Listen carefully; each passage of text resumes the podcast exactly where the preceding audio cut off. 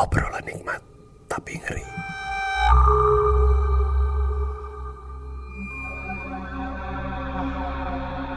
Cerita ini diambil dari kisah nyata paling seram yang dikirim ke DM USS Finn.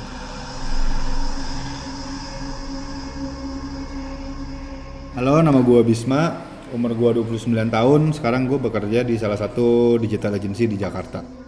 Nah, hari ini gue mau ceritain pengalaman terseram gue. Jadi gini ceritanya.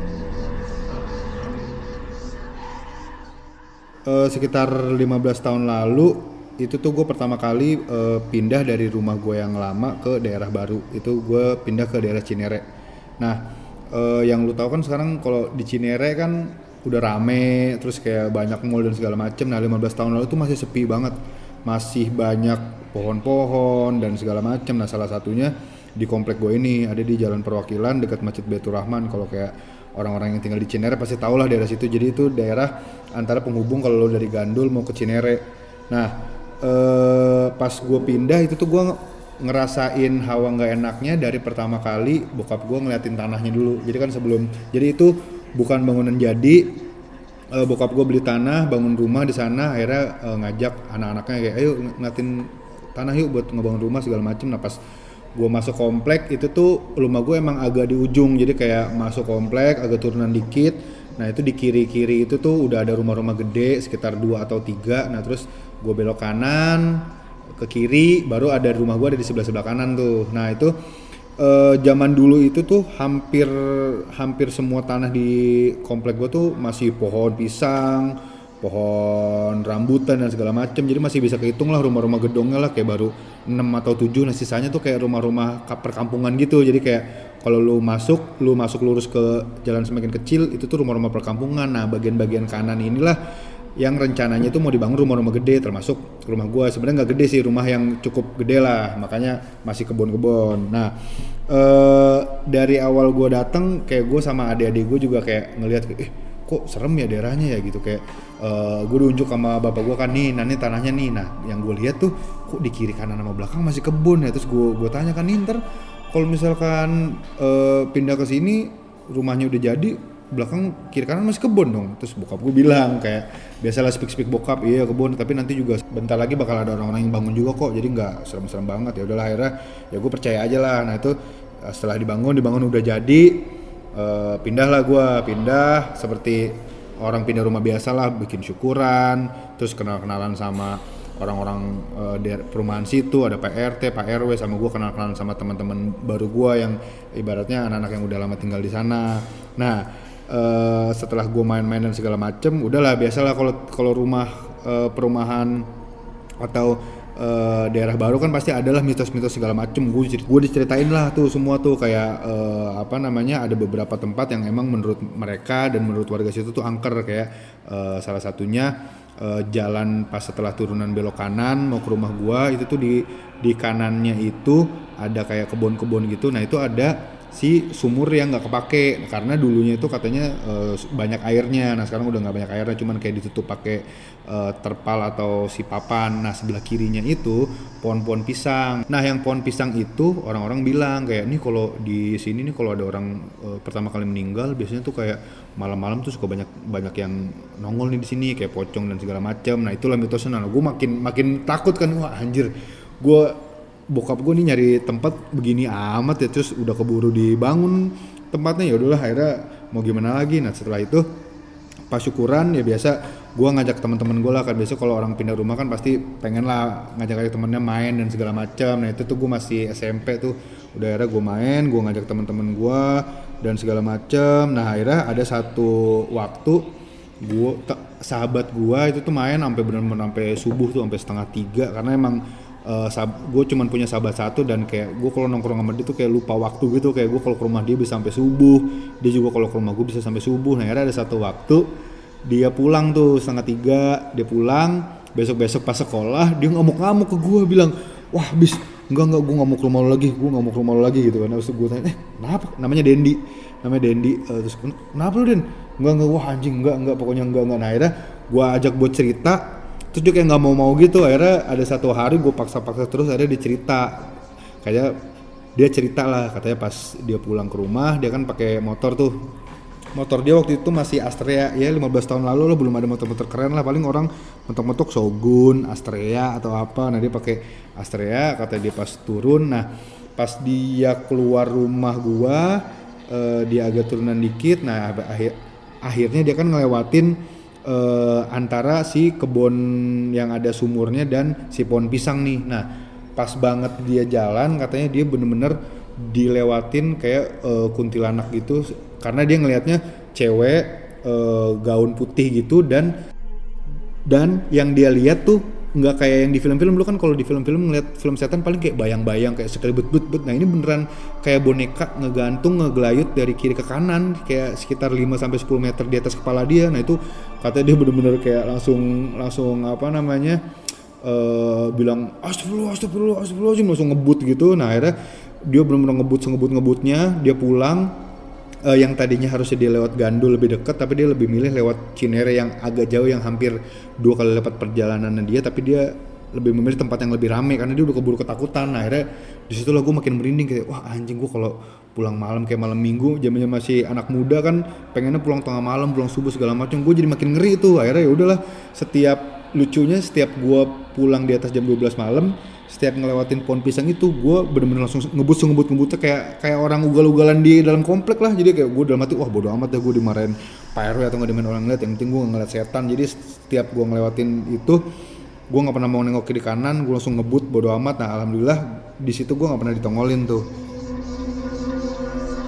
nah setelah kejadian itu barulah muncullah kayak eh, kejadian-kejadian aneh lah istilahnya kayak eh, digangguin kayak tiap ada sebulan ada aja kejadiannya segala macam sampai eh, satu waktu si pembantu gue nih pembantu gue pembantu gue diliatin. Nah nah di momen itu gue tuh eh, selama gue tinggal gue masih belum diliatin nih masih belum diliatin masih kayak cuman biasa-biasa aja lah. Anehnya tuh yang sering ditongolin digangguin tuh orang-orang di luar keluarga gue kayak kayak tadi temen gua, pembantu gua, terus anaknya temen gua. Nah, yang kalau yang pembantu gua kan kalau setiap Sabtu Minggu kan biasa kalau keluarga-keluarga harmonis lah kayak zaman dulu kan pasti pergilah pergi ke mall lah segala macem nah bokap gua lagi keluar terus juga si nyokap gua juga ngajak gue pergi. Kayak ayo pergi segala macam nah pergi itu pas banget maghrib maghrib itu kalau itu gue masih inget kayak gerimis gerimis hujan gitu. Terus ya udah gue bilang gue bilang sama pembantu gua namanya Mbak Sri kan Mbak Sri nitip eh, rumah ya mau ke Cinere Mall segala macem. Terus ya udah akhirnya ke Cinere Mall segala macem nitip kunci. Nah pas pulang biasanya tuh pembantu gue masih nungguin. Pas pulang kok rumah gue dikunci ya segala macem. Loh kok nggak ada nggak ada mbak Sri gue teriak-teriak kan kayak biasa lah mbak Sri bukan gerbang bukan gerbang. Gue ketok-ketok gemuknya kan. Terus habis itu tetangga gue di seberang bilang kan gue kalau di rumah dipanggil Yandra kan? Dra, Nindra tadi Mbak Sri nitipin kunci. Eh, tadi maghrib maghrib jam setengah tujuh pulang nggak tahu kenapa nitipin kunci. Terus nyokap gue juga bingung kan ih kok Mbak Sri nggak nungguin kita sih? Aneh ngapain pulang sih? Bokap nyokap gue udah kesel tuh udah disangkanya pengen pulang pengen main-main tuh akhirnya. Nah pas besoknya kan pembantu gue biasanya kan datang pagi tuh jam 9 tuh. Nah nyokap nyokap gue tuh eh, tiba-tiba langsung kayak dari jauh tuh udah udah mulai udah pengen marah-marah aja udah.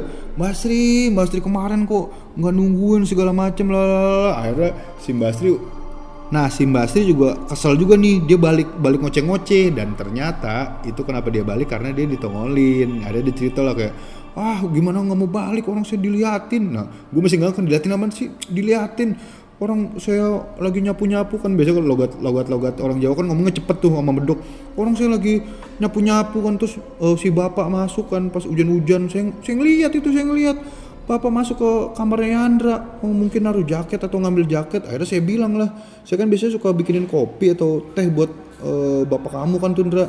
Saya bilang kan, eh, aduh, nih eh, mama sama Yandra sama adik-adiknya pada pergi ke Cinere nih. Si bapak baru dateng, Eh, bapaknya Yandra mau kopi apa teh nih? Nah, kok pembantu gue sambil nyapu nih. Pas di itu kok nggak nyaut-nyaut. Bapaknya Yandra, bapaknya Yandra, pas dilihat ke pintu kamar gua, uh nggak ada siapa-siapa ternyata. Wah, habis itu dia langsung merinding dan langsung buru-buru keluar kayak ngasih kunci dan segala macam ke tetangga gua dan pulang buru-buru. Nah, habis itu dia cerita kok pokoknya saya nggak mau ditinggalin pokoknya kalau udah malam-malam pokoknya kalau misalkan mau pergi saya mendingan pulang aja deh kalau gitu karena pembantu gua tuh nggak nginap jadi kayak datang pagi pulang malam datang pagi datang pagi pulang malam nah semenjak itu kalau gua mau pergi sore pembantu gua juga ikutan pulang karena itu karena dia udah ketakutan. Nah di situlah gue dengar cerita itu terus teman gue cerita ditongolin. Gue makin takut terus aduh anjir. Gue nggak aman banget nih tinggal di rumah nih anjing. Terus gue dalam hati ya udahlah. Mungkin yang namanya baru pindah pasti adalah ditongol-tongolin. Dan gue percaya kayak ya udahlah selama gue nggak ganggu Bismillah deh gue nggak bakal ditongolin lah. Maksudnya gue kan pasti tau lah kayak cerita-cerita orang juga. Biasanya yang punya rumah biasanya nggak begitu diliatin atau digangguin. Nah setelah kejadian si pembantu gue mulailah gue merasain kayak apa ya kayak semi-semi digangguin lah sama adik gue nih. Jadi kayak eh, singkat cerita eh, yang namanya gue SMP SMA kan gue sering banget keluar malam tuh keluar, keluar malam segala macam cuman gue nggak bawa kunci nih. Jadi yang yang suka bukain tuh kalau nggak ya nyokap gue bokap gue atau adik gue nah akhirnya bokap gue sama nyokap gue kesel kan. Dulu daripada pulang malam mulu ki- kita ditelepon teleponin digedor-gedor udah ntar bikinin kamar aja di eh, seberang tuh. Nah tipe rumah gue tuh kayak eh, di kanannya itu rumah utama gua. Nah, di kiri itu ada gerbang tambahan. Itu tuh tadinya buat tempat parkir sekitar kayak buat empat mobil berjejer dari kiri ke kanan lah cukup gede. Eh, cukup gede lah tanahnya. Nah, akhirnya bokap gua bikinin lah kamar sekalian di paling kiri bikinin kamar buat gua satu, buat adik gua satu. Akhirnya gue dikasih kunci gembok, dikasih kunci kamar gua. Akhirnya dibilang, "Udah nih, eh, pokoknya kunci terus ini kunci gerbang ini kunci kamar. Nggak usah bangun-bangunin papa sama mama lagi deh. Jadi kalau misalkan mau pulang udah boleh pulang jam berapa aja lah. Nah itu kan gue udah udah SMA lah. Maksudnya udah udah bebas lah akhirnya. Gue udah aman lah tuh. Kayak gue malam gue nggak usah ganggu gangguin nyokap bokap gue lagi nih. Cuman masalah baru timbul. Kayak eh, gue nggak capek-capek bangunin nyokap bokap. Cuman setelah si kamar itu jadi kan gue nggak tahu ya kalau bikin kamar tuh apakah harus disyukurin atau enggak. Yang setahu gue kan rumah doang kan yang disyukurin. Akhirnya si kamar ini tuh pas udah jadi nggak disyukurin sama bokap nyokap gue kayak "Ya udahlah namanya juga cuman kamar doang. Nah akhirnya setelah itu kamar jadi gue tinggal di situ sama adik gue ya udah gue mulailah yang tadi gue bilang gue kayak semi digangguin. Kayak gue kadang-kadang suka dilemparin kayak batu dari atas kayak tuk petuk kayak batu-batu kecil gitu ke genteng gue terus gue pikir kayak anak-anak bocah-bocah bocil iseng gitu kan. Cuma- cuman digangguinnya tuh pasti di atas jam 10 malam lah di atas jam 10 malam jam 12 malam. Kayak kalau gue lagi kayak nonton lah gue lagi ngerjain kerjaan-kerjaan gue lah. Kan dulu kan gue freelance dari SMA kan gue freelance foto-foto juga kan kayak suka ngedit-ngedit foto buat BTS lah atau segala macem. Digangguin terus kadang-kadang kayak di balik tembok gue tuh suka ada yang gedor kayak apa namanya tembok gitu kayak gitu kayak kayak gitu kayak sekali atau enggak kayak dua kali tapi bukan yang kayak duk duk duk, duk bukan gitu kayak cuma sekali aja iseng kayak duk. Nah yang bikin gue percaya itu digangguin makhluk halus ya bunyi tembok itu. Maksudnya kalau kerikil-kerikil mungkin bisa lah kayak entah itu apalah jatuh lah atau apa dari pohon dan segala macem. Nah kalau yang gedor tembok itu tuh fix sih maksudnya itu makhluk halus. Karena di belakang itu nggak ada apa-apa cuman kebun doang. Ya udahlah akhirnya selama seminggu dua minggu gue kayak ketakutan gitu kan. Tapi lama-lama tuh udah kebiasa karena itu hampir setiap hari digangguin kayak gitu. Gue kayak kesel sendiri kayak aduh anjir gue kalau gue takut maksudnya gue yang kalah nih ah udah bodo amat ya gue maksudnya gue coba beraniin kayak eh, kadang-kadang kalau misalkan lagi ada suara geduk atau suara ngelempar batu gue keluar kayak bener-bener gue melototin ke atas lah ke segala macam gue bilang ini gue ngeliatin setan ngeliatin setan deh bodo amat. Dulu gue kayak dalam hati kayak mana lu? Sini tongolin segala macam cuman emang nggak ditongolin dan eh, nggak ada apa-apa. Ya udah akhirnya setelah itu ya udah gue punya mindset oke gue pokoknya nggak nggak boleh takut. Kalau kalau takut malah gue yang culun. Jatuhnya kayak percuma kamar udah dibikinin segala macem. Ya udahlah. Akhirnya gue beranjaklah ke kuliah nih. Nah selama SMP SMA gue ya hampir setiap hari lah kayak kutuk. Ada bunyi gedok eh, tembok juga. Nah itu menurut gue hal yang biasa. Dan adik-adik gue juga merupakan hal yang biasa aja. Kayak ya udahlah bodo amat lah. Mungkin itu emang part of eh, rumah gue ya udah akhirnya gue ketemu teman baru pas kuliah nah gue ketemulah ada salah satu eh, teman kampus gue dan sekaligus teman komunitas Indonesian Denim Group gue namanya Owi. Nah sekarang yang kalian tahu sekarang dia ngerjain sih suara gembira eh, Owi yang agak gondrong. Nah itu salah satu teman yang dulu sering banget main sama gue tuh. Nah dia eh, sering gue ajak tuh main ke rumah kayak sharing-sharing ngobrol-ngobrol. Karena kan dulu passion dia kan cukup luas juga kan masalah jeans masalah fashion dan segala macam jadi kayak gue seru aja gitu ngobrol sama dia kayak eh, sama kayak temen gue yang dulu kayak lupa waktu kayak kalau ngobrol bisa sampai tengah malam dan segala macem. Akhirnya setelah empat kali atau lima kali dia main di dia main ke enam tuh eh, dia kayak iseng gitu kayak misalkan dia habis selesai main jam satuan malam lah atau jam setengah dua terus dia bilang bis lu orangnya berani gak sih? Emang kenapa? Terus gue dalam hati gue sebenarnya orangnya agak takut terus dalam hati ya gue kayak so-so aja kayak kenapa emang berani-berani aja gue mau mau gue mau gue ceritain gak tentang rumah lu? Tapi lu berani kan orangnya kan? Terus gue bilang ya berani lah kenapa? Terus habis itu nah akhirnya temen gue bilang gitu ntar dulu deh gue pakai sepatu dulu. Nah biasa dia pakai sepatu terus dia jalan. Nah pas dia jalan ke gerbang gue nganterin dia kan bawa motor kan. Pas gue ke gerbang dia bilang bis itu kan di kamar lu kan ada lubang ya? Nah itu kan lubang kan bekas kipas kan. Nah, sekarang kan kamar gue udah udah pakai AC kan. Jadi dulu eh, gue pakai kipas kayak kotak gitu gue jebolin temboknya. Akhirnya pas pakai AC itu lubang dicopotin gue ganti AC tuh di sebelah kanan aja tetap ada lubang. Terus dia bilang gini itu tuh yang lubang itu lu tau gak sih? Kayak apa namanya dari pertama gue main gue ngeliat kayak anak kecil paruh baya gitu kayak keling gitu telanjang. Dia manjat kayak pengen keluar tapi nggak bisa manjat. Jadi kayak tangannya ke atas terus kakinya kayak nempel-nempel di tembok kayak pengen pengen naik tau gak sih lu? Tapi dia nggak naik nggak naik naik gitu-gitu terus nah lu lu jangan takut tapi ya maksudnya mungkin itu pen- penunggu lu kalau wah dari situ gue bilang wah anjing oi oi kenapa lu kasih tahu? Gue takut orangnya bangsa. Dari situ gue kayak anjing. Di satu sisi kesel kan gue ah anjing lu oi lu ngapain cerita lu?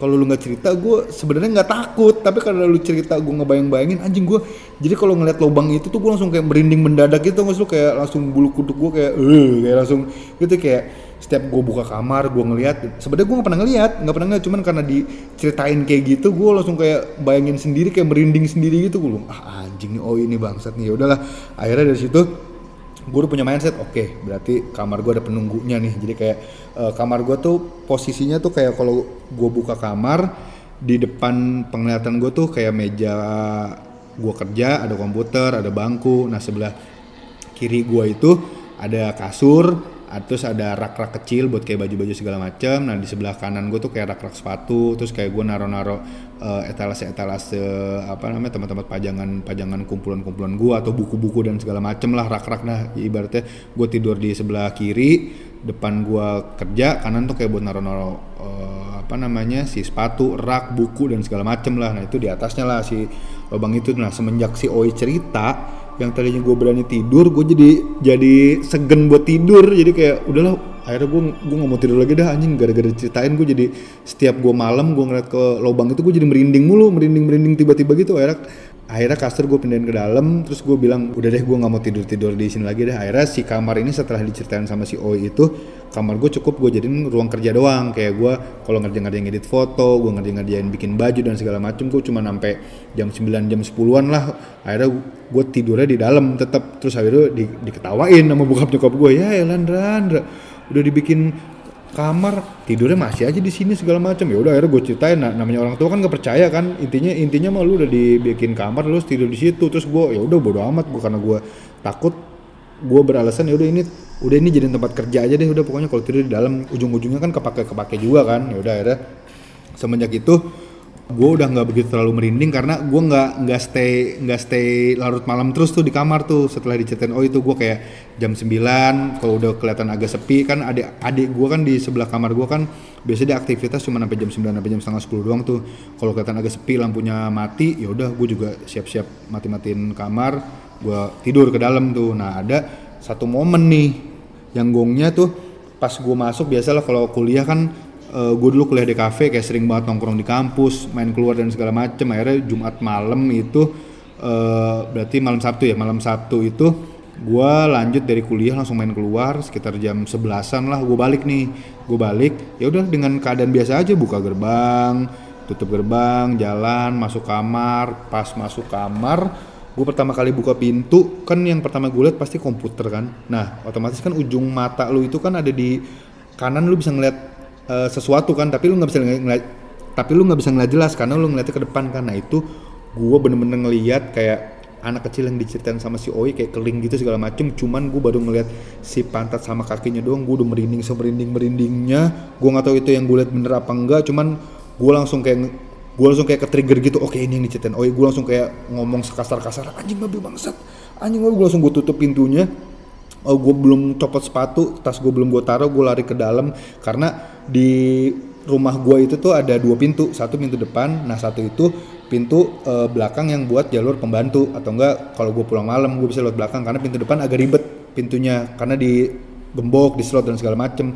Gue langsung ke belakang langsung buka pintu jedar gue langsung tidur dan eh, segala macem. Gue nggak mau cerita-cerita dulu. Gue langsung sampai kamar tuh gue langsung mikir kayak anjing gue ngeliat apa tadi ya? Tapi gue yakin itu tuh orang yang diceritain orang yang di orang yang diceritain sama si Oi itu tuh. Udah akhirnya gue di kamar gue istighfar istighfar astagfirullahaladzim astagfirullahaladzim astagfirullahaladzim. Itu gue ngeliat apa ya gue ngeliat apa astagfirullahaladzim. Akhirnya udahlah akhirnya besok besok gue langsung cerita sama si Oi. Oi akhirnya gue ngeliat juga Oi. Katanya nah kan? Bener kan? Berarti dia udah pengen kenalan sama lu bis segala macam terus gue bilang wah anjing lu gara-gara lu cerita lu kalau nggak cerita mungkin dia nggak bakal nongolin si Oi. Gue nah akhirnya si Oi bilang lah kayak ya udahlah namanya juga setiap ruangan atau enggak setiap eh, tempat pasti ada setan lah. Maksudnya gimana kitanya aja ya udah akhirnya dari situ.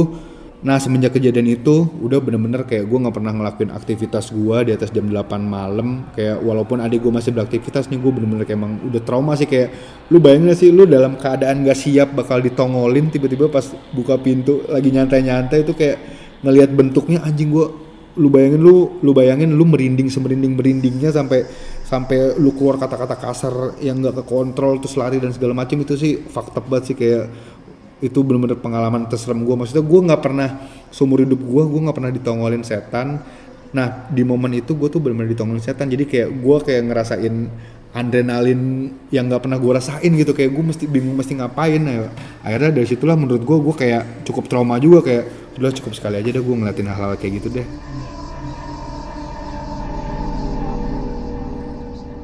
Nah semenjak saat itu itu kamar udah nggak pernah dipakai lagi di atas jam 8 malam. Terus juga eh, seiring berjalannya waktu, gua gua kuliah, gua lulus, akhirnya gue menemukan jodoh gue lah ibaratnya. Terus gue nikah dan segala macem. Gue sekarang kan tinggal sama mertua gue di daerah eh, Depok eh, menuju ke arah Bogor. Akhirnya ya udah sampai sekarang itu kamar udah nggak pernah gue tempatin. Cukup jadi kenangan gue pas gua masa muda lah ngeliat ngeliat makhluk halus untuk pertama dan terakhir. Karena jujur sampai sekarang sampai gua nikah pun maksudnya gue di rumah mertua gue gue nggak pernah ngeliat hal kayak gitu. Jadi ya menurut gue gue Bismillah ya deh mudah-mudahan itu pertama dan terakhir kalinya gue ngeliat eh, makhluk halus lah. Ya mungkin itu aja pengalaman terserem gue kalau lu gimana Onigiri. Obrolan nikmat.